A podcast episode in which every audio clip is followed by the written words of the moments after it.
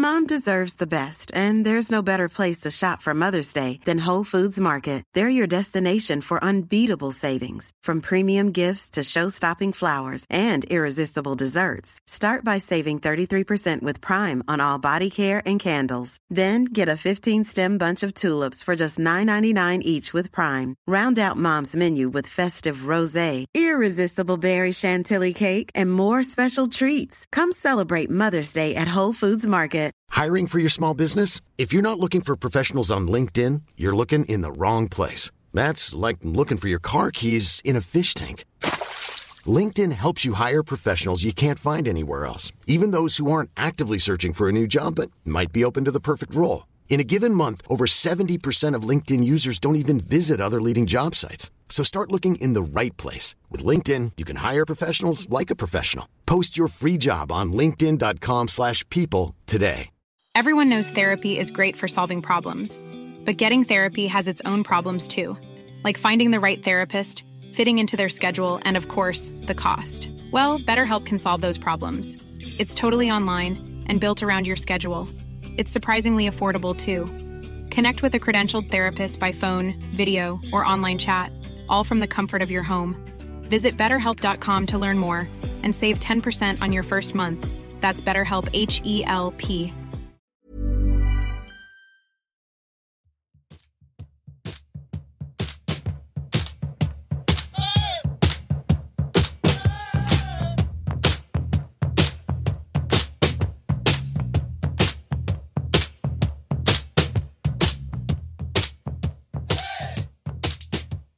Hej och hallå och välkomna till Poddplats H igen. Det är en podd om hockey i allmänhet, sport i allmänhet och Björklöven i synnerhet. Vi sitter här, jag och Nicke. Och framförallt så har vi en gäst med oss, Thomas Persson. Välkommen! Tack så mycket. Uh, för den som inte riktigt vet om det vem är du? Ja du, Thomas Persson, eh, jobbar på ett större bygg och anläggningsföretag. Men framför allt är det så att Löven-supporter sedan länge tillbaka. Har väl stått på ståplats H i typ 30-35 år. Och det är väl där jag bland annat träffade dig Josef eh, och flera andra som man har lärt känna via hockeyn. Eh, men eh, ja, hockeyintresset, hockeyintresset började väl egentligen när man var och såg när Löven vann SM-guld 87 och sen så har väl inte gått kanske upp för sen dess. Men Det är i och för sig lite svårt. precis. Nej, men så är det. Vi, jag minns en gång vi började räkna lite på det, men sin, vi, vi är ju några stycken som, eh, som du säger, vi, det har blivit att vi har lärt känna varandra via Björklöven och att man börjar räkna. Vi var fyra kompisar ska sägas vid ett tillfälle. Ja, men hur många matcher har vi sett? Och när man börjar dra upp mot ett par tusen så inser man, att är, är det här som det ska vara eller? Riktigt. Eh, tillsammans då. då. Men eh, i alla fall jätteroligt att, att du ville vara med oss. I dagens avsnitt så ska vi prata lite grann och verkligen avsluta Björklövens säsong 22-23 och titta på lite statistik hade vi tänkt. Vi kan konstatera i silly seasons värld att eh, Björklövens supporterinsamling gick i mål, där målet var en miljon. Och vi också har värvat spelare där, där Miles Powell kom in. Vi ska snabbt lite titta på att det är ett par stycken som har eh, avslutat sin karriär i damlaget och någon som har förlängt. Det är NHL-slutspel och lite övrig sport. Och så, ja, välkommen! Ja, eh, vi är ju på något sätt i, jag säga den roligaste delen av säsongen, silly season, men vi tänkte väl så här att man kan ju ställa sig frågan, vilket vi ju har gjort och vi kan fortsätta och försöka, om man nu kan avsluta, med lite grann avsluta, men varför, varför åker Björklöven ut i semifinal? Och varför vann vi inte serien? För det hör ju faktiskt ihop med varann. Vinner du serien, kan vi konstatera så här i efterhand, så vinner vi serien så får vi troligtvis en lättare semifinal. Och eh, du Thomas hade tittat på lite statistik, för det var ju en sak som man reagerade på och som man funderar på. Ja, men vi hade ju ganska många, eller man tyckte i alla fall ganska många Too Many Players-utvisningar till exempel. Om man ser på ja, men hur många var det och de boxplayen, vad gav det i slutändan? Alltså blev det poängtapp någonstans? Eh, så vad, vad har du att säga om det Thomas egentligen? Jo, alltså onekligen så har, drog vi på oss ett antal too many eh, utvisningar. Eh, men eh, tittar man på det här av eh, rena poängtapp så, så kan vi säga att det tre till fyra poäng som vi egentligen tappat där med tanke på att vi har dragit på oss den här typen av utvisningar. Så att det är ju, ja, det är viktiga poäng i, i slutändan, men kanske inte lika mycket som man kanske trodde i förväg. Nej, Nej, men för det är ju så att det är, ju, det är skillnaden. Alltså leder vi med 7-1, drar på oss en too many players, så spelar det ingen roll om de gör 7-2. Likadant om, ja, om vi leder mycket. Ja, om man leder mycket, ligger under mycket har det mindre betydelse. Men de där 3-4 poängen, låt säga att det är tre poäng, det är ju seriesegern där. Rakt av bara. Nu kan man kanske inte generellt säga så, för det finns ju tusen andra variabler, men det är ju ändå intressant. Det hjälps inte. Vad säger du Nicke? Nej, men det är klart att det påverkar. Jag sitter och tittar lite statistik på just det här med hur många utvisningsminuter vi hade. Vi var tilldelade 460 utvisningsminuter och den här statistiken är på Hockeyallsvenskans statistiksida. Men om man då tittar på hur många minuter som vi har haft av de där 460 så är det faktiskt 420 av dem som vi har spelat färdigt så att säga. Eh, det vill säga att vi har ju 40 minuter som är avbrutna på grund av att det har blivit mål i baken. Eh, så att ja, det är klart att det, det påverkar ju en, en hel del. Ja, nej men det är ju så. Och där, där har man ju en sak. Alltså, det är så jämnt så att det är det, verkligen detaljerna som avgör. Det är inte bara en klyscha, utan det är verkligen så att det är de här små detaljerna som avgör. Eh, och någon poäng hit eller dit kan ha sån enorm betydelse. För det är ju, tycker jag, helt uppenbart att vi får möta Djurgården i en semifinal har en stor betydelse jämfört med Modo i det här fallet då, som fick möta Mora. Nu kanske Mora eh, borde kunna bjuda upp bättre, men nu blev det vad det blev. Nu tror jag att, att även om vi på något vis inte presterar vad vi kanske kunde eller borde mot Djurgården, så tycker jag ändå att man kan konstatera att Moda hade, Mora hade varit en lättare motståndare i en semi. Och om man då tänker att ja, men det är tre stycken dåliga byten vid fel tillfälle under säsong som gör att, att det blev så. I alla fall att det hjälper till. Det kan ju reta en människa kan jag tycka. Ja, men så är det ju. Och jag menar, tittar man på lagutvisningar, alltså lagstraff som vi har dragit på oss, så har vi dragit på oss absolut flest lagstraff den här säsongen eh, med 19 stycken. Västervik skuggar oss tätt med 18 stycken, men sen är det ett hopp ner till Djurgården som har 10 lagstraff bara. Och de här too many players som vi har någon sorts sjukdom och aldrig vill släppa taget om oss påverkar oss ju såklart. Eh, och jag tycker att det är lite för stora. Alltså, eh, det är vi och Västervik som sticker ut ordentligt och sen åt andra hållet så är det ju ett lag som Södertälje till exempel som bara har fyra. Fyra lagstraff och AIK har tre. Eh, och det är ju någon, inte. De var inte med och, och i sluttampen på säsongen ordentligt. Men det är ju sådana där saker som sticker ut ändå. Eh, och jag menar, om man då tittar på statistik, hur många av de här lagstraffen har vi släppt in mål på som har sabbat poäng eller gjort att vi har tappat poäng? Nej, äh, det är ju. Statistik ljuger sällan eller mer eller mindre aldrig. Den säger ju alltid någonting. Sen är det alltid en annan sak att okej, okay, vi kanske klarar av utvisningen, men vi kanske får slita väldigt hårt på vissa spelare och det påverkar senare matchen. Exakt. Så är det ju. Så att än om vi inte har förlorat just direkt på den utvisningen så, så utan vi har förlorat i ett 5 mot 5 spel så kan ju det ändå 5 mot 5 spelet bero på att vi har haft gubbar inne mycket under matchen som är slitna och trötta. Så där. Jo, men det är klart, alltså sett över resten av en sån match så kan det i alla fall ha en någon påverkan på offensiven. Såklart, det är det vi säger. Um, nej, men sånt här tycker jag är superintressant och det innebär ju att, att eh, det är väl värt att påpeka.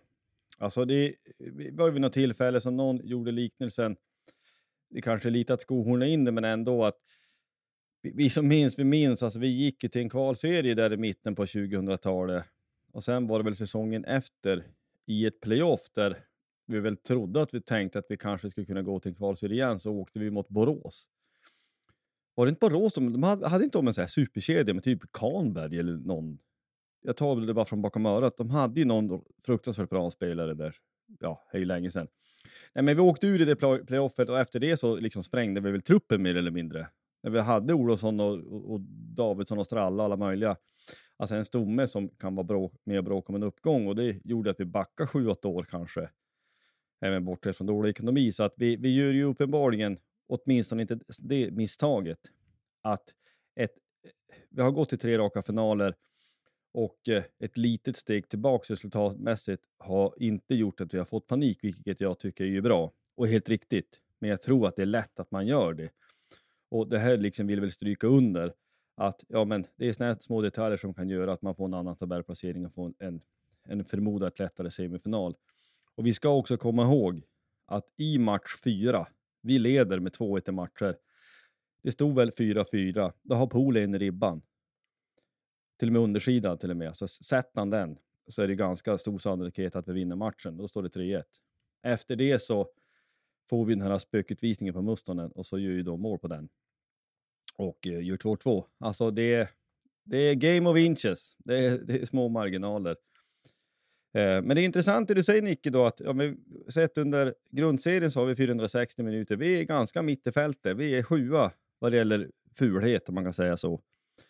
Men sett över säsong har vi legat i topp på avstängningar. Och det kan jag ju tycka är märkligt. Jag säger absolut inget konspiratoriskt, för det ska vi inte begagna oss utav. Men jag kan ändå konstatera att det är intressant att vi har fått, eh, i slutspelet var det överlägset flest avstängningar. Medan vi då inte, i alla fall i grundserien, är fulast. Och jag har inget mer att säga om det. Ni får fortsätta. Nej, men vi har ju. Vi har en enligt den här statistiken så har vi. Vi har en femma. Vi har en. En eh, game misconduct och en match penalty. På 52 omgångar. Det tycker jag är. Det är ju ingenting liksom att, att säga om. Eh, så på så vis så upplevs vi ju väldigt snälla. Eh, men då har vi 205 tvåor istället. Ja, det jag tycker alltså utvisningarna. Som vi har förlorat matcher på, det är de som är absolut dyrbarast ändå någonstans. Ja, ja men så, så är det ju givetvis. Eh, nej, men med det sagt så får vi väl på något sätt fundera kring hur, hur man kan arbeta med såna här, såna här saker. För det har ju vi funderat kring. Alltså, om vi säger att vi drar på oss, nu har vi ju, jag har inte det i huvudet, om vi drog på oss flest too many players, men jag tror ju att vi gjorde det. Ta den som ett exempel. Och det ju, kan ju vara den mest onödiga utvisningen som finns. Den är ju inte svår att undvika. Så att där behöver man ju liksom styra upp saker. Kommunikation behöver förbättras om det är det som, som klickar eller vad det nu må vara. Men det här behöver ju lösas på ett eller annat sätt. Det är en, en intressant fråga. Varför åker vi ut på, det där, på den här typen av utvisning? Är det liksom dålig kommunikation från tränarna eller är det dålig kommunikation mellan spelarna eller vad är det som ligger till grund att vi så otroligt ofta åker ut på- för den här typen av utvisning? För att det känns som att vi ska ju bara inte behöva åka ut på så här många typer av utvisningar av den här sorten. Så är det ju. Jag vet vi har diskuterat det en gång tidigare i något avsnitt just kring och jag tror någonstans. Det är nog en både en, det är nog både dålig kommunikation från tränare och ner till spelare. Och mellan spelare också. Men jag vet att det var någon match jag såg som den var så tydlig. Den alltså många gånger så kan det ibland vara att linjedomaren är väldigt het på gröten och vill blåsa. För det är oftast linjemännen som tar too many players till exempel och att de är lite för ivriga på att blåsa. Och ibland är det ju att då är det helt uppenbart. Det var någon match jag såg och det var helt uppenbart. En back kom och bytte, två nya hoppa in. Och det är en sån där sak att det är svårt att peka på vems fel det är, men någonstans kommunikationsmiss är det ju någonstans. Men vart har det fallerat? Är det mellan tränare och spelare eller är det mellan spelare och spelare? Även som sagt vid slutet av säsongen var det någon match där. Nu ska jag inte hänga ut en specifik spelare, men jag nämner den i alla fall. Possler tog liksom och markera och förklara liksom att ja, jag vill byta och var på väg till avbytarbåset. Och sen kommer pucken mot eh, avbytarbåset. Så då den här samtidigt som är killen som då är på väg att hoppa in. Så då tar ju Possler avbryter sin, sin, sitt byte och bara gå på pucken istället. Och, ja, det, sånt har inträffat också. Mm. Och det där är ju någonstans de professionella hockeyspelare, men det är lite spelsinne bakom det där också. Att du som står på bänken framför allt har ju läge att hålla koll på var pucken någonstans på banan. Är det läge för mig att kliva in nu eller kan det bli att min gubbe jag ska byta med får pucken nu? Eh, det, det är små marginaler allt som oftast, men, men jag tycker att det är. Eh, jag tycker att det, när det börjar bli så många som det är och har varit den här säsongen så tycker jag att det, det är för dåligt bara. Det ska, alltså det ska inte få, få ske helt enkelt. Och tidigare säsonger. Ja, det också. Ja, tyvärr är det ju så. Det har man ju sett lite grann tidigare. Eh, lite grann var det då, eh, lite knytupp kanske då vad det gäller avstängningar. Det har ju varit en käpphäst och är det ju fortfarande att det här är ju inte enskilda människor utan det här är ju snarare ett strukturellt problem som jag tycker hockeyn har. Och eh, i och för sig så tycker jag Wettergren borde bytas ut, att han är inte vuxen sitt uppdrag och det står jag för. Eh, och jag tycker att den här problematiken med att man alltid bara eh, vad ska jag säga, agera reaktivt hela tiden. Alltså vad som än, är det någon som yttrar sig säger att försvara det som har inträffat. Det är så svårt, att, svårt med transparensen och svårt att veta riktigt alltså vem är det som tar vilket beslut. Och eh, eh, eh, det, är liksom, det är ovärdigt svensk hockey att det ska behöva vara på det sättet. Att jag tycker att det här borde kunna skötas mer. Eh, för det, vad ska man säga? att det här nu, nu, avstängningen på Fredrik Weigel match två är ganska viktig. Eh, också i en semifinalserie. Vi sa tidigare när vi pratade om det här när det hade hänt, ja, men är det här en snygg slashing i knävecket? Nej, det är det inte. Eh, är det utvisning? 100 procent. Jag skulle till och med kunna, eh, kunna sträcka mig till att ja, men, låt han vila resten av matchen. Ett matchstraff kan jag ta. Men att han blir avstängd en match eh, för att då sen senare i slutspelet där vi har en, eh, vi tar ett exempel, det blir lite cherry pick, men vi tar det ändå, där var Kryger var det som crosscheckade fem sex gånger på en liggande spel, spelare stenhårt. Jag kan ju inte se varför det ena ska rendera i en avstängning och inte det andra. Eh, jag tolkar det som att ja, men man förstod i efterhand ja, men det kanske var lite hårt med en avstängning på Weigel. Ja, men det är ju ingen tröst att man i efterhand reaktivt väljer att inte stänga av en spelare senare för en förseelse som kanske är li minst lika allvarlig om man nu kan jämföra så. Det är det som retar mig. Det är någonstans, som, har du bestämt dig en gång för att hålla någon slags nivå och det är, kan finnas en situation som i alla fall i teorin är lite jämförbar, då får du ju stå ditt kast. Kan jag tycka. Och det är det här som eh, jag, jag måste tänka som för klubbarna och för spelarna måste ju vara så enormt frustrerande att du inte vet. Det beror på vem som satt i situationsrummet den kvällen, typ. Eller vem som dömde, eller om de ides skickade vidare. För det har vi också sett och lärt oss att om det skickas vidare uppåt i hierarkin, då blir det ju avstängning. Alltså, det är ju, eh, liksom makten sitter ju i princip hos den som har möjlighet att få det här vidare någonstans. För det är på något sätt att blir det så att det skickas vidare, då är det ju det som kommer hända. Det händer ju sällan att disciplinnämnden tar emot någonting och säger nej, det här var ingenting. Utan får de det på sitt bord, då är det minst en match. Oavsett vilket. Vad har, ni? Jag har också lagt märke till att varenda gång, varenda beslut är enhälligt. Det av någon anledning är det, kan, är det verkar inte vara kan någon som kanske har opponerat sig, utan alltid är det enhälligt beslut. Ja, det är ju märkligt. Är det inte så säg? Ja, det är jättemärkligt. Jag tycker att det är superkonstigt att att det, det om något tycker jag tyder på att det är en ryggdunkarklubb. Och, jo, men jag håller med dig. Jag håller med dig. Jag håller med dig. Att man aldrig någonsin har olika åsikter om det. Det är för mig väldigt märkligt och tycker jag ändå på något sätt visa på att ja, men det är ett problem. Om det alltid är enhälligt. Jag menar, är det transparens man ska visa någon gång så är det just i sådana där tillfällen också att säga, ja, men vi var inte eniga, men det blev det här som vart utfallet. Vi hade en omröstning om det och då vart det här utfallet. Ja, men fine. Men som det är nu att ja, men vi är alltid överens, alltid överens, alltid överens. Det var ingen som tyckte emot. Äh, det blir väldigt konstigt. Jag tycker att det har varit väldigt många tveksamma situationer den här säsongen som som eh, är eh, som det har blivit avstängningar på för andra lag också som man inte riktigt förstår varför. Jag menar, ta en sån sak nu som den som jobbar på Svenska ishockeyförbundet som har på något sätt sagt tack till Björklöven för att vi avslutar samarbetet med Alex Hutchings. Till exempel. Vad sänder det för signaler? En sån människa ska inte få vara kvar på sitt arbete. Överhuvudtaget. Det kan tyckas som att det är en liten sak att man går ut i sociala medier och eh, på något sätt ja, men, förlöjligar Hutchings, vilket jag tycker att det är.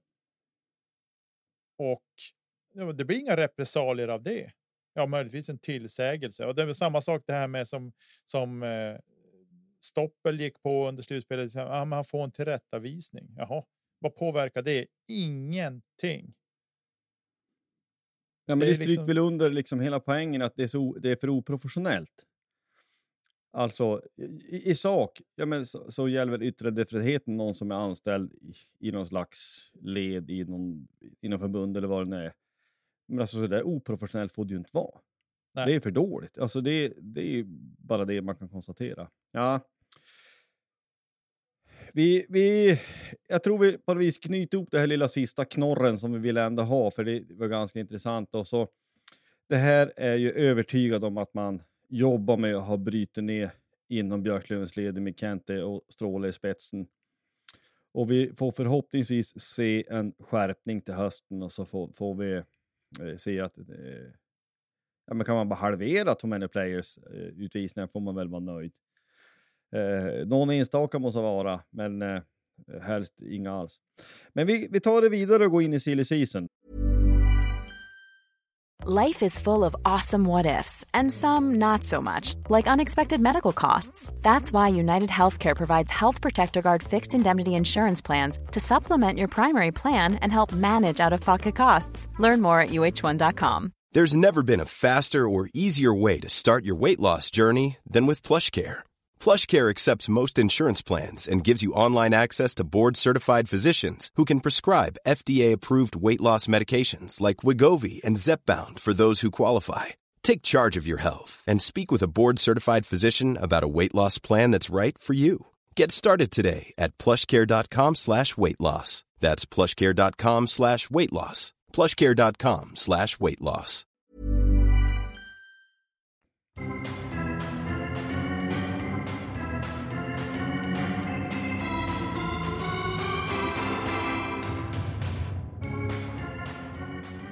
Vi har ju samlat in penningar här. Det vart ju en miljon som var målet, supporterspelaren, och för detta så fick vi, får vi säga, bland annat Miles Powell. Eh, jag tror ju, eller ja, vad, tyck, eller vad tycker vi om det? Nummer 21 fick han dessutom. Vad säger ni? Varsågod Thomas. Ja, alltså det är ju onekligen en väldigt bra spelare på allsvensk nivå. Eh, men om man tittar på den här truppen som var den här säsongen så jag saknar lite större spelare. Jag saknar lite sådana spelare som, som kan gå in, som verkligen kan ta sig in på mål. Det känns som att vi där saknar vi ett antal kilo mot Djurgården. Vi kom liksom inte in på mål och, och kunde skapa riktigt heta chanser.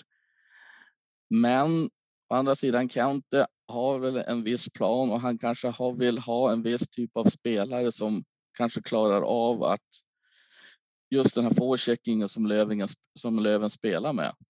Med att, eh, väldigt mycket skridskoåkning och då kanske han automatiskt får eh, vi, jag menar, vi är inte som sagt, vi är inte där i närkedjan att vi kan få hit stora starka spelare som kan, är bra på att åka skridskor, utan vi får väl kanske välja någonting och då har vi väl valt lite mindre tekniska spelare och där är onekligen Miles Power en av dem. Ja, och så har vi ju tre forwardsplatser kvar. Om man nu tar forwardsidan. Och det är väl åtminstone en back till som ska in. Så att sista ordet är inte sagt. Om vi förstår det här rätt så var vi ju hög på Kristoff Kontos till exempel. Som gick till AIK. Han kanske faller in lite grann under det. Han är 1,88 eh, och, 97 pannor center. AIK ser för övrigt lite intressant ut, men det får vi ta någon annan gång. Det är, de, ja, det är inte de vi pratar om. Men jag, jag gillar ju också, jag tycker det här är en jättebra värvning. Och jag noterar också att eh, jag undrar om, jag ställer mig frågan, håller vi på att bli historielösa? För det finns ju de där, ja men nu gnäller de, men vi måste ha in spets och det är spets och spets. Ja men 2015, då hade ju Mästerkatten fått anställa extra personal och det hade blivit köbildning för en sån värvning som Miles Powell. Alltså vi måste ha klart för oss, precis som du säger, vart är vi i näringskedjan och det är på den här hyllan vi värvar spelare. Det här var helt omöjligt för en sex år sedan bara. Så att vi, eller vi gjorde det inte åtminstone. Så att, att tycker man det här är en trött värvning så tycker jag att man borde checka sin historia och så tycker jag inte heller att det är riktigt verklighetsförankrat. Det här är en jättebra värvning på hockeyallsvensk nivå. Och med det sagt så håller jag med att vi behöver fler kilon in. Men vi har tomma platser och jag hoppas att det kommer komma in. Vad säger du Nicke? Nej, men det är, jag är inne på samma spår som er. Eh, det är en fantastiskt bra hockeyspelare, framförallt på allsvensk nivå. Eh, och jag, jag är helt övertygad om att vi kommer att få se mycket poäng av honom. Men eh, samtidigt är det så här när Kontos var på tapeten och man hörde rykten om honom så kände man att ja, shit, det kommer att bli jättebra. Du får in lite storlek och lite size för eh, rent krast så tycker jag väl egentligen framåt den här säsongen så är det väl liksom. Ja, men. Det är Poli som har haft liksom ordentliga kilon framåt och lite storlek och längd så där. Sen vet vi alltid, ja, men Wiklund, han vet man, han viker aldrig undan och så där. Men eh, det är väl lite grann där jag känner att vi har blivit kanske lite små. Eh, så att jag tror in med lite storlek och kanske jag tänker att den här sista backplatsen också. Får gärna bli en. En. Eh, jag skulle gärna se en offensiv back med storlek som är bra på rören. Får man önska så? Det är lite grann av en drömvärmning, men men. Eh, det skulle jag faktiskt vilja ha in där. Eh, du menar liksom så här Shea Webber för tio år sedan? Ja, men lite så. Bra bössa också.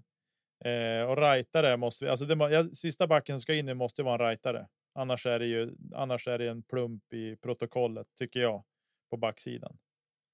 Ja, ja det håller jag med om. 100%. För vi har bara om jag tänker rätt så är det bara Lindgren vi har som är rightare nu. Va? Ja. Och det kommer inte att funka, för jag tyckte att det var ett problem under säsong när Vainio var borta, Lindgren var borta och, och även stötvis så var ju Bedouin skadad. Så jag tycker att det var då vart det ett problem, framför allt vid uppe på blå linjen vid sargen blir det ett problem när man ska dels få ner pucken, men liksom även kunna bli bättre på att spela därifrån att du hamnar med, med klubban ut mot sargen och kan lätt leverera en passning vidare än att du ska ta emot och vända över och kunna slå en vettig passning. Så det är superviktigt att vi får in en right back. Eh, Sen framåt så. Så är det väl att. Lite mer storlek. Ska jag önska på de forwardsplatser som är lediga där. Eventuellt kanske någon junior, men jag vill inte att vi Alltså i och med att vi har det problemet med vårt J20 lag att de inte är i högsta J20 serien ställer till det för oss. Och. Jag tycker att det har tagits upp platser i år på forwardsidan av spelare som inte har gjort speciellt många minuter och då tänker jag att ja, men då är det väl bättre vi har spelande spelare som får spela mycket minuter för att slippa det här med att vi går på kort mm, om folk liksom att vi kanske spelar på tre och en halv lina. Eh, det tycker jag inte. Det håller inte över över en hel säsong. Så att jag skulle gärna se att vi får in folk som är tilltänkta att spela mycket liksom över hela säsongen, inte bara ströminuter i varje match. Något jag saknar från tidigare säsong, det är ju Gerard och hans kunskaper i teckningscirkeln.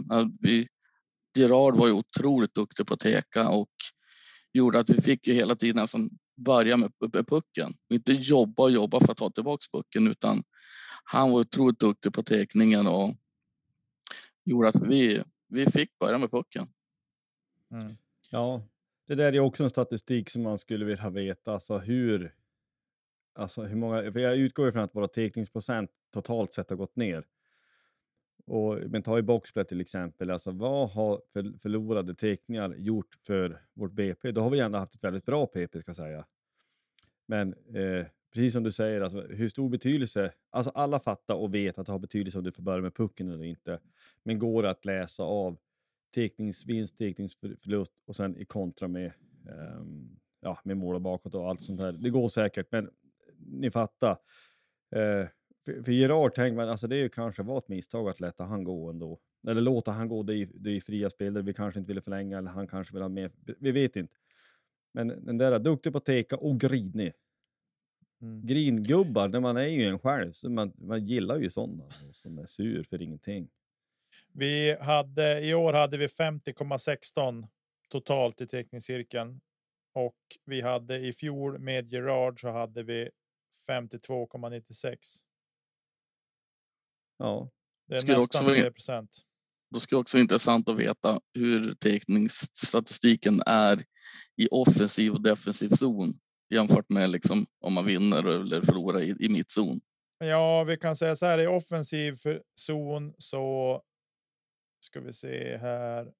Så vann vi i fjol 57,18 procent av teckningarna och i år i offensiv zon så vann vi inte så stor skillnad 56,56 i år, så drygt en procent i skillnad. Defensiv zon så. Eh, vann vi i år. Eh, 46 procent eller 45,95 och jämfört då mot i fjol. Ska vi se. Eh, så jag kommer åt rätt här. Mot i fjol så hade vi 49,7. Så att det var bättre i defensiv zon i fjol också. Med nästan 4 procent där. Så att det är. Och man kan tycka att ja, men så noga är det väl inte. Men det är noga. Det är viktigt, framför allt i defensiv zon så är det viktigt för att vi får ta hand om pucken och vi kan rensa ut den och liksom att än om vi tappar den, men att motståndarna kommer ut ur våran defensiva zon. Men i offensiv zon så är det så otroligt viktigt att vi kan skapa ett anfall direkt än att vi ska börja jaga. Eh, för det är. Det är inte för inte att det pratas väldigt mycket om vikten av att vinna teckningar, framförallt i offensiv zon. Just av den anledningen att slippa lägga energi på att jaga puck. Men byter vi in våran offensivaste lina så vill vi att de ska få pucken direkt och börja med den. Det är ju så man vill att det ska vara. är också, alltså, vi har ju haft känslan, eller man har ju haft känslan att när vi har haft kort om centrar och skadade så, eh, alltså inte ont om men, Musteren och Fitzgerald, liksom, men, men som i grunden kanske är, är egentligen forwards. Ja, men då går teckningsprocenten ner. Och då ser vi här att det är ju inte bara att man har feeling, utan det är på något sätt det är svart på vitt att så är det. Um, ja, sammantaget så behöver spelare spela på sin rätta position för att det ska bli, det ska bli bäst. Så enkelt är det.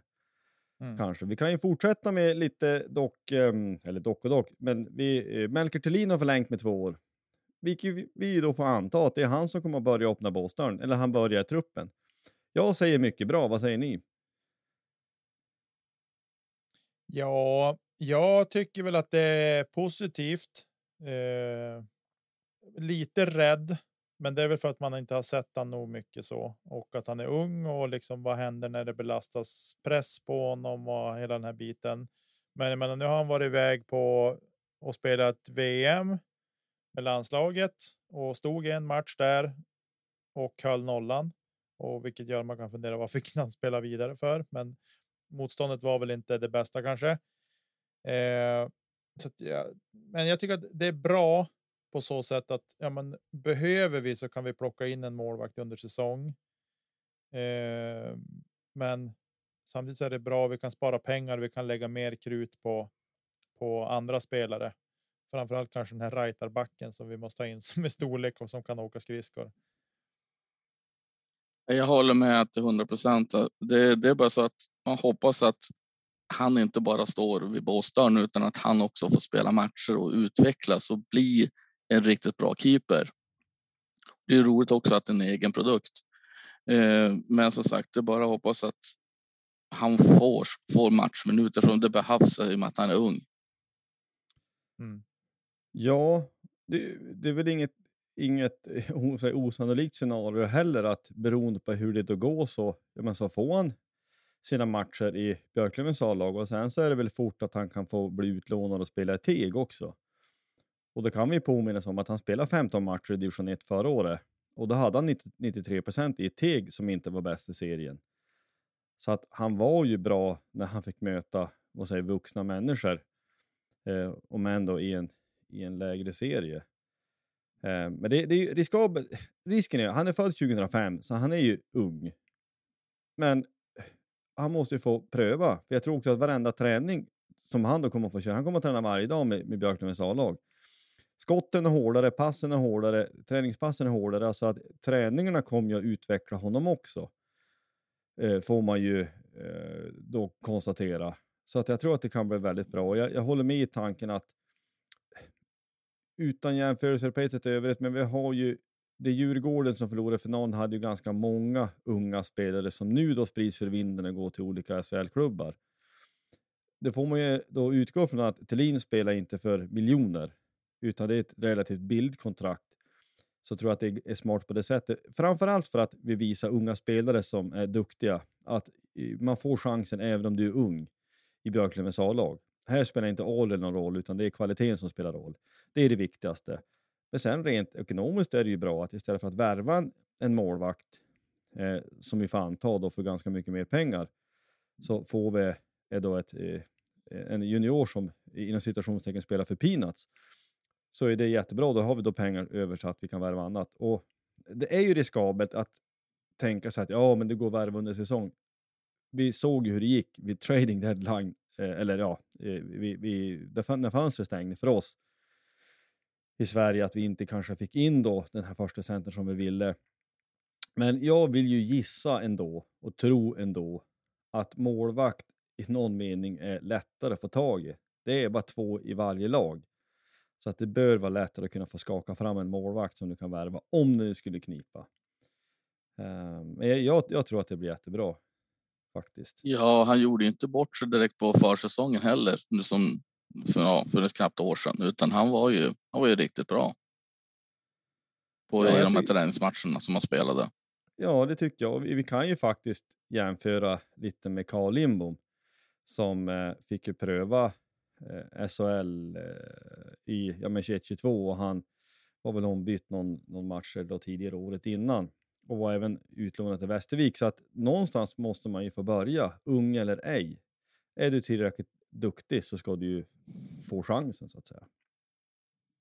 Jag tycker också att, att han är lugn i målet på det sättet. Alltså att han och Jona är hyfsat lik på så sätt, alltså temperamentet i målet, vilket jag tror kan vara till en fördel eh, för oss. Att vi får två målvakter som är ganska lik så att det inte är så flängigt. Så det har vi pratat om också, eller framförallt jag har pratat om det att att vi har haft de senaste säsongerna har haft målvakter som har betett sig lite olika mål, vilket gör att för utespelarna blir det eh, kanske lite annorlunda också.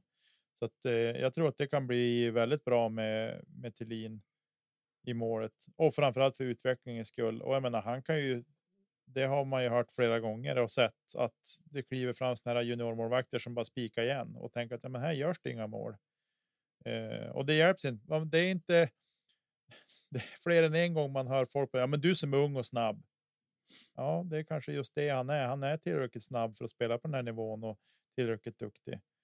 Så, så att, eh, nej, men jag tror att det här kommer att bli jättebra och eh, det är väl på förhand solklart att Jona är etta, men eh, och, men jag tror att det här kan bli kalasbra för oss. Ja, jag skulle bara säga han är 1,87 lång och kanske något lätt och någon, inom, parent, ja, inom situationstecken igen då, 76 kilo. Men jag menar, sett han på Stefan Öhmans grötätning så blir det där bra vet du. Jag tror det är, den, det är väl kanske den diet man har varit med för länge och det har haft åverkan på ens fysik. Man har fortsatt med grötätningen men inte med träningen. Vad nu människor ska göra av den informationen, det vet jag inte. Eh, men det måste vara. Vi kan också säga så här att det kom ut idag att vi har ju kört några tester. Och det kan ju ändå vara lite kul att titta på på något sätt. Jag vet inte. De säger väl inte så mycket för att det är ju inte liksom frivändningar som vi tävlar i hockey utan det är eh, mål och poäng. Men det finns något som heter Dana 300. Det hörs ju ungefär som en eh, ny V-klyv som någon har köpt. En Dana 300. Vet du. Så- Men det är ju ett, ett test där man springer 50 meter, 25 meter fram och tillbaks sex eh, gånger. Va? Alltså, ja, om jag har förstått det här. Eh, och så vilar man sex, sex längder så vilar man med en minut emellan och sådär.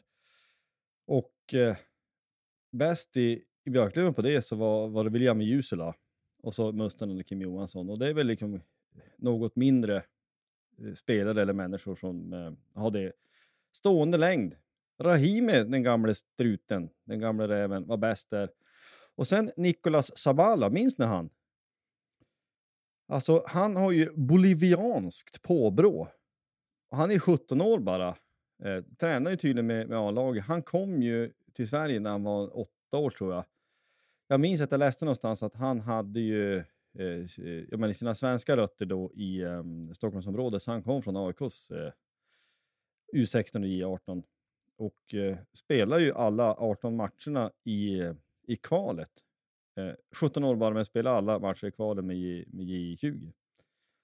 Så det är väl en talang får man säga. Och stor är han. 1,80 eller stor, står med 1,81 och 78 kilo, 17 år. Så han kanske växt till lite till och så blir det där bra. Ja, men det är intressant och det, i och för sig, det passar väl kanske då en ung tupp att vara, Eh, ha, ha bra fysik. Rahimi Sabala också, Kronor Alexander Wiklund. Jag höll på att säga liggande, eh, stående längd.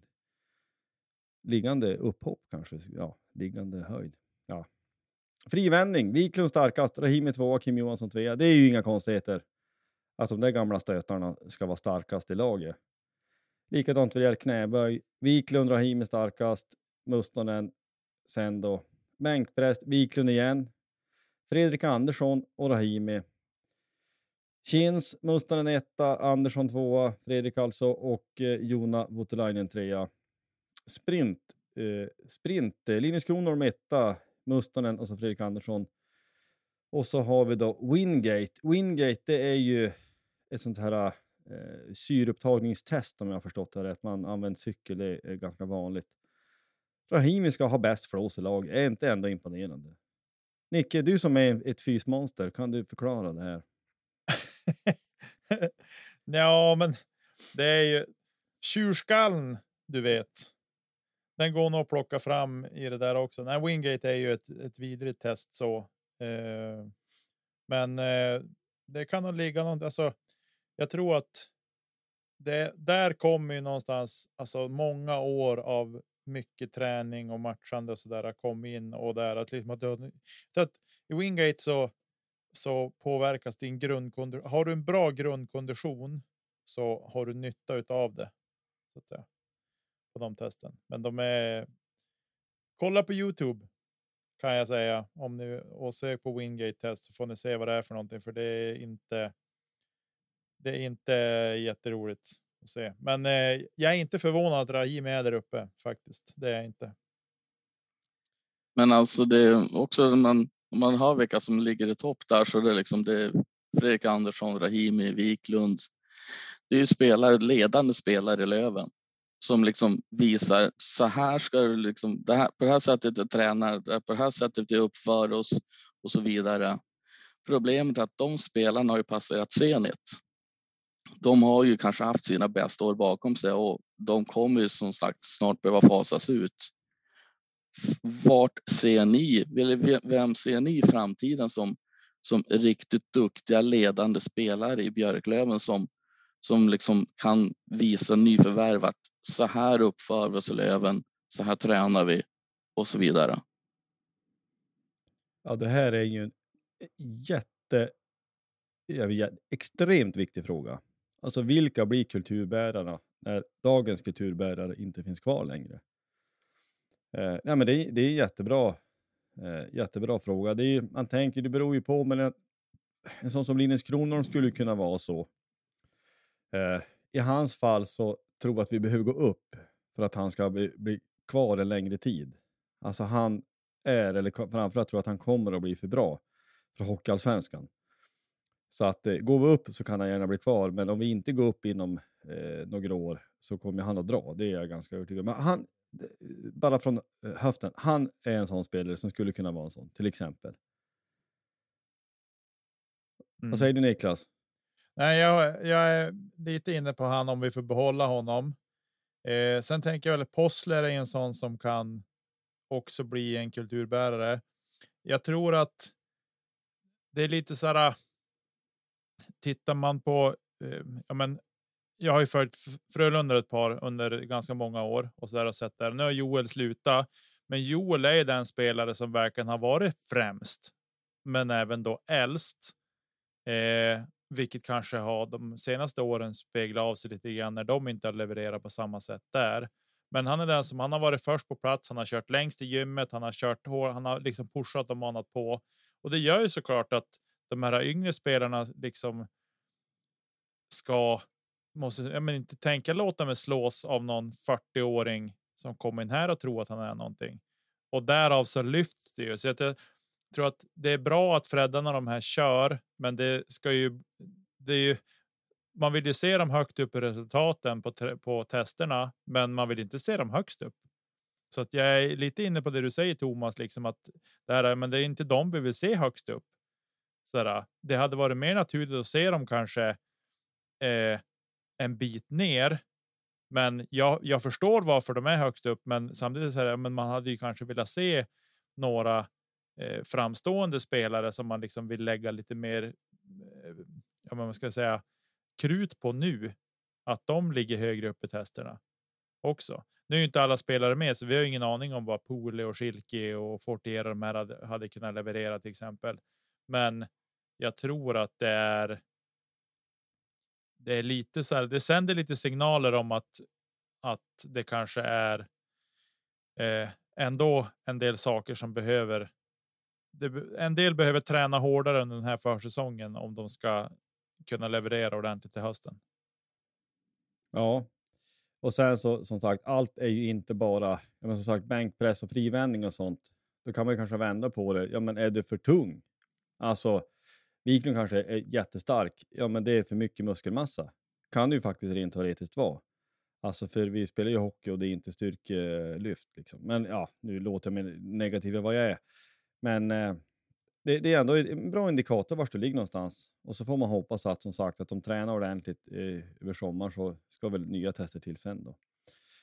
Eh, mm. Som sagt, det, det, det, är roligt att se att gubbarna är i bra form. Men jag hoppas att, om vi säger att de gör likadant test i augusti, så hoppas jag ju innerligt att det är de som har tränat kappa förbi. Det vill man ju. Såklart att det är så. Eh, men jag tror att vi tar och går vidare.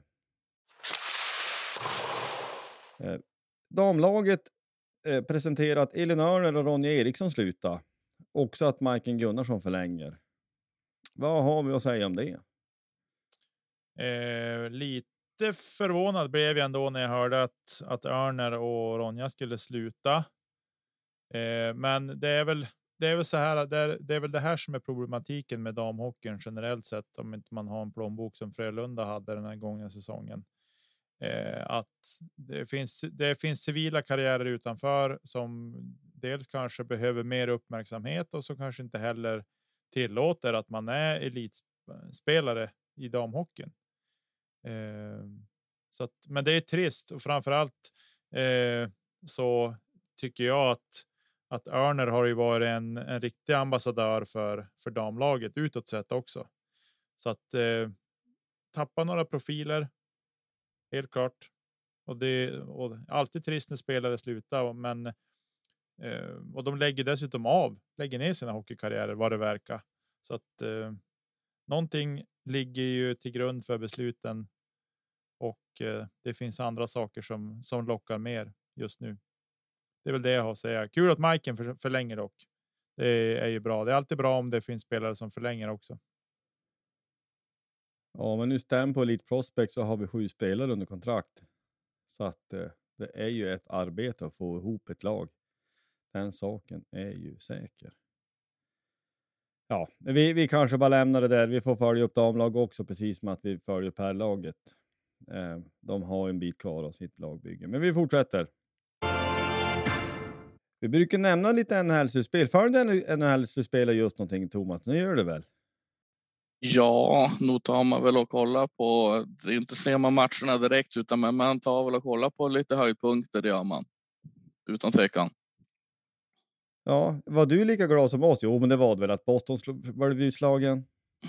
Ja, det var ju det med tanke på de där färgerna som, som Boston har och de här spelarna med, med Marchandro här så, så ja, ja, inte grät man för, för när de förlorade. Nej då, Vive la Montreal! Ja. Det, det, måste vara. Men vi brukar följa upp lite. Dallas Seattle står i alla fall 2-2 matcher och Vegas Oilers också 2-2 matcher på västra sidan. Där är det ju helt jämnt. Och man tycker ändå att alltså, Seattle, de sprattlar på bra ändå. Eh, tycker jag. Känslan var ja, ja, det var väl bra att gå vidare från första rundan, men, tänk, ja, men Dallas, vet du, de har ju... Ja, med Ottinger i kassen, det där kommer ju inte kunna gå. Ja, men det är ju liksom mer eller mindre helt öppet. Eh, på något sätt. Jag, jag, tänker också, i någon mening kanske då Vegas Oilers är lite mer intressant, för du har ju då Dreisaitl och eh, McDavid. Men frågan är ju om det kommer att bli som tidigare år också, att du har världens bästa hockeyspelare i ett lag. Men han kan ju inte spela alla byten. Så frågan är om resten räcker. Vad har ni för reflektioner? Nej, det är väl lite så det känns att en spelare kan inte göra allt. Eh, eller två spelare i det här fallet. Så att eh, nej, lite trist måste jag väl få säga att de är i det lag de är. Det är väl någonstans någon som har trott att skulle de där skriva fast sig hos Oilers så kommer ni aldrig få vinna bucklan utan de måste lämna för att få vinna bucklan. Men jag tänker samtidigt tänker jag så här. Är det någon, något år de ska vinna så är det väl det här året tänker jag också Sätter de lag som är kvar. Men nu är det bäst av tre i de två första matcherna som vi har pratat om nu då Dallas och Seattle och Vegas Oilers. Det är det bäst av tre så att något lag kommer ju att få matchboll då efter den matchen som nu matcherna som nu ska spelas här kommande nätter och så. Eh, men eh, de gick ju poänglösa någon match och då förlorar de ju. Så att det är klart att då, då ser man ju vikten av att de måste spela ändå och, och leverera poäng framför allt. Toronto Florida 1-3 i matcher och det känns väl som att där är det väl. Eh, eh de sprattlar till Toronto. Det stod 3-0 i matcher där, men den där tror jag det där kom Florida och reda ut och jag tror att det vart lite luften ur för Toronto när de tog sig förbi första rundan. Eh, vad har du att säga om den matchen, Thomas?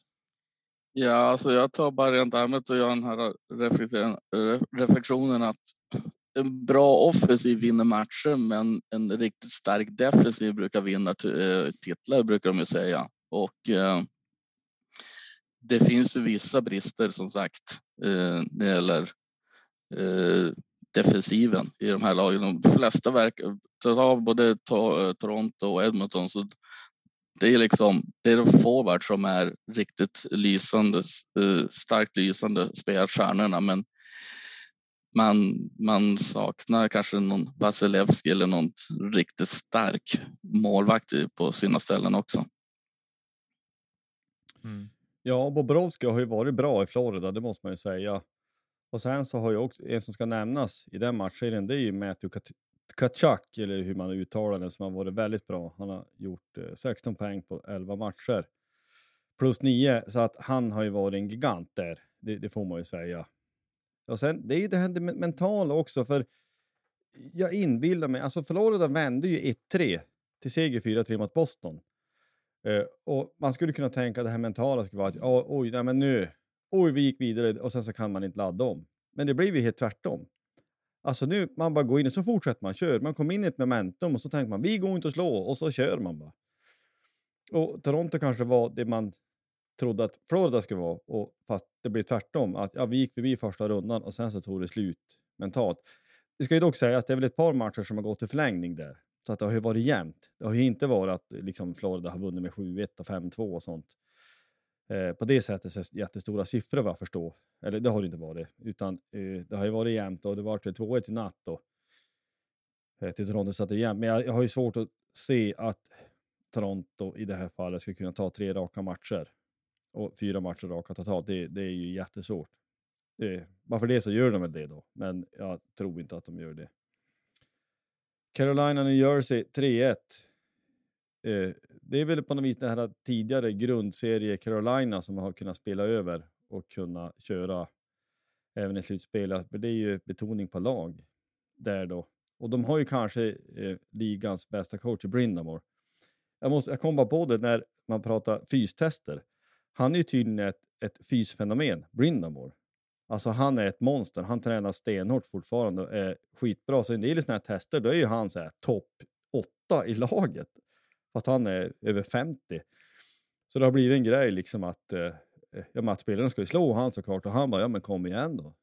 visa nu på spolingar hur det går. Alltså det är ju ganska sjukt ändå. Om han sades det väl också att jag tror att det sades när han, han kommer från collegebakgrund tror jag att de fick väl låsa gymmet. Så han inte tog sig in. Alltså han tränade som en idiot, han var fullständigt galen. Eh, så att det här med ålder och, och fys, det måste vara. Men eh, eh, något annat än att Carolina ska gå vidare där, det kan man väl inte tro sig. Så man, vi kan konstatera då i så fall då att det är öppet i väst, där det är 2-2 matcher i de två matcherna och så 3-1 matcher i två matcher i öst. Nästa vecka när vi spelar in det här, då tror vi veta hur det där gick. Så det ska bli intressant. Vi bör väl också nämna att härom natten så var det ju draftlotteri och det är ju Conor Bedard som alla... Alltså, det var ju i praktiken en draft om Conor Bedard när lotteriet var. Och Chicago som hade tredje bäst odds att ta hem det, tog ju hem det där då. Och jag tycker inte att det är något roligt. Alltså, alltså ser man på hela den här historien som var att man hade mörka övergrepp och skit i tio år och man inte be han bestraffades med var ett par miljoner dollar, vilket ju är peanuts för en svinrik ägare. Men man tappar inga draftval och ingenting, vilket andra lag har gjort där man tycker att man har gjort bra mycket mer allvarliga saker. Så ja, de fick honom ett draftval de inte skulle ha haft, så kan jag tycka. Ja, nej, jag tycker också att det där äh, luktar illa. Det är inte bra att det går till på det där sättet. Att det, att de, att, alltså, jag tycker generellt det här i hockeyn med men, bestraffningar, men, det här med filmningar, alla sådana här saker. Det kommer att ta hårdare om det drabbar liksom hela laget. Då stävjar laget upp. Då styr laget upp det där med att du filmar inte, för då får åker vi hela laget få en bestraffning på det där annat än att du får spela eventuellt spela två minuter eller att en spelare inte får spela en match. Det, alltså, det blir inget straff som är, påverkar mycket. Och det här med liksom att de ger ett lag ett par mm, böter, det hjälper ju inte. Man måste ju ta där det slår hårdast. Är de dåliga så får de, kommer de högre upp för att kunna ja, men i draftval och sånt där. Och just i det här fallet så är det ju ja, det är bedrövligt. Jag tycker inte att det, det är inte så länge sedan heller det här uppdagades, så att jag tycker att de kunde ha ett par års bestraffning av olika slag som inföll under olika tillfällen och så där. Men eh, nej. Det är synd att han ska ha en skitorganisation också. Synd på en bra spelare. Ska vi gå vidare eller vad säger vi? Ja, nej, det, det finns ju inte så mycket mer att säga om det. Vi, vi får ju prata mer draft när draften är aktuell. Det är fullständigt givet att Bedard går dit och något annat är det ju inte. Men vi, vi kan eh, gå in på lite övrig sport. Jag ställer frågan inte minst till dig Thomas. Har du något liv så att det ryms någon övrig sport eller är det bara hockeyn som ryms? Ja, man. Nej, det är väl bara hockey och Löven va? Och Degerfors. Eh, vad är det för någonting? Då får du skärpa dig. Rödvitt! Ah, Stora Valla, historisk mark. Det är Gunnar Nordahl och Ralf Edström. Ja, det var rödvitt och, och fotboll och det Sandåker som gäller. Ja. Nej, men jag var här i, eh, i måndags vad jag såg Degerfors Norrköping. Förlust 0-2. Eh, ah, det var, alltså det, eh, Norrköping är ju rätt bra. De är ju ett över halvan lag och kan ju till och med vara med och bråka om någon slags eh, Europaplatser kanske framför allt. Så det är inte så mycket att säga om. Och eh, men vi, vi pratar ju ibland när vi, när vi pratar om när Björklöven värva att ja, men vi äder värderingskedjan och det är det vi har att välja på. Jag tror att, minns jag rätt, så fotbollsallsvenskan räknas på plats 23 i Europa. Ja, men det innebär att det är spelare som är tillräckligt bra och inte bättre än den 23 rankade ligan i Europa. Så det är ju den fotbollen man får se. Men jag tycker att det är, jag, jag är ju väldigt svag för fotbollsallsvenskan. Jag har sagt det tusen gånger och säger det igen. Alltså, hockeyn har så sinnessjukt mycket att lära fotbollen på så många olika sätt. Vad det gäller allt ifrån transparens till vilka som beslutar till, ja men, nu säger jag inte att kanske hockeyn ska ha rak upp och nedflyttning hur som helst, men här är ju sporten är så mycket viktigare.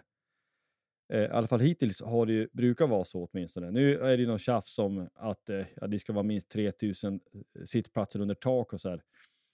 Men här kan ett, en, en ort som är lika stor som Lycksele, är du tillräckligt bra, ja då går du upp. Så enkelt är det. Och då kan också Varberg och andra lag och Mjällby och sådana liksom spela i högsta ligan. Och jag, jag gillar den tanken eh, någonstans. Det, det, är bara så. Sen Järvsö, det, det är lätt att gnälla, men det, det är det bästa Sverige har. Så det är klart att de är fruktansvärt duktiga. Jag, jag ställde mig en stund och bara alltså, tre meter från sidlinjen. Alltså det går fort. Alltså de är snabba och det går fort. Och det är, det är inte många liksom, crosspass de dräller vid sidlinjen, så det är klart att de är duktiga. Eh, så att man kan liksom inte jämföra med, med Premier League, men då är ju alla liksom i hela världen inte tillräckligt bra så att säga. Mm.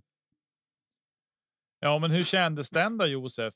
0-2, det kan inte vara så roligt. Äh, nu är det ju två halvlekar 08. Nej, fyra halvlekar 08. IFK Göteborg och den här. Just det. Nej, äh, ursäkta.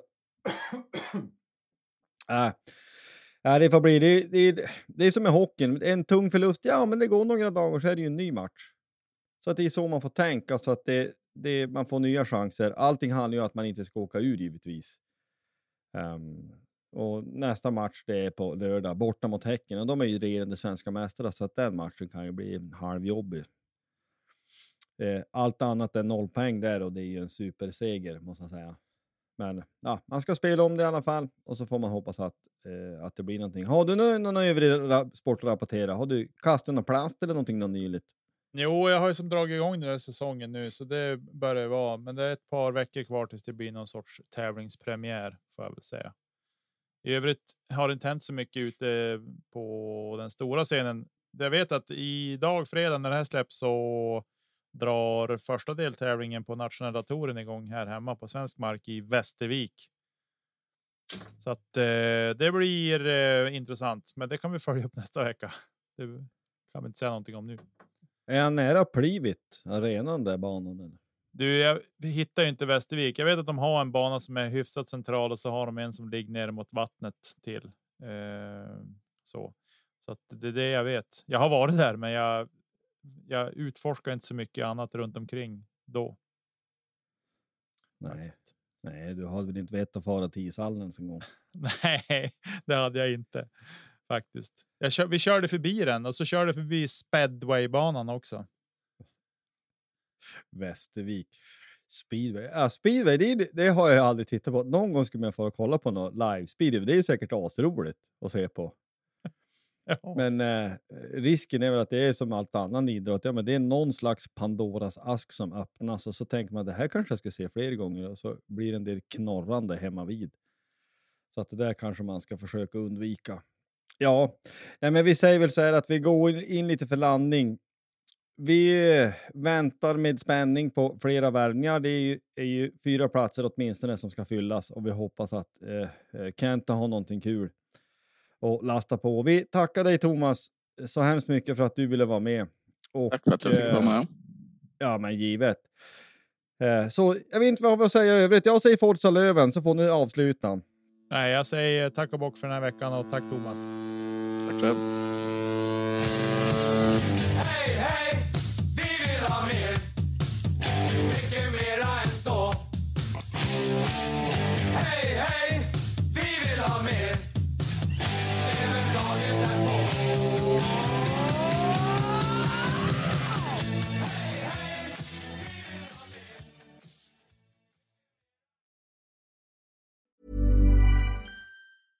Mom deserves the best, and there's no better place to shop for Mother's Day than Whole Foods Market. They're your destination for unbeatable savings, from premium gifts to show-stopping flowers and irresistible desserts. Start by saving 33% with Prime on all body care and candles. Then get a 15-stem bunch of tulips for just $9.99 each with Prime. Round out Mom's menu with festive rosé, irresistible berry chantilly cake, and more special treats. Come celebrate Mother's Day at Whole Foods Market.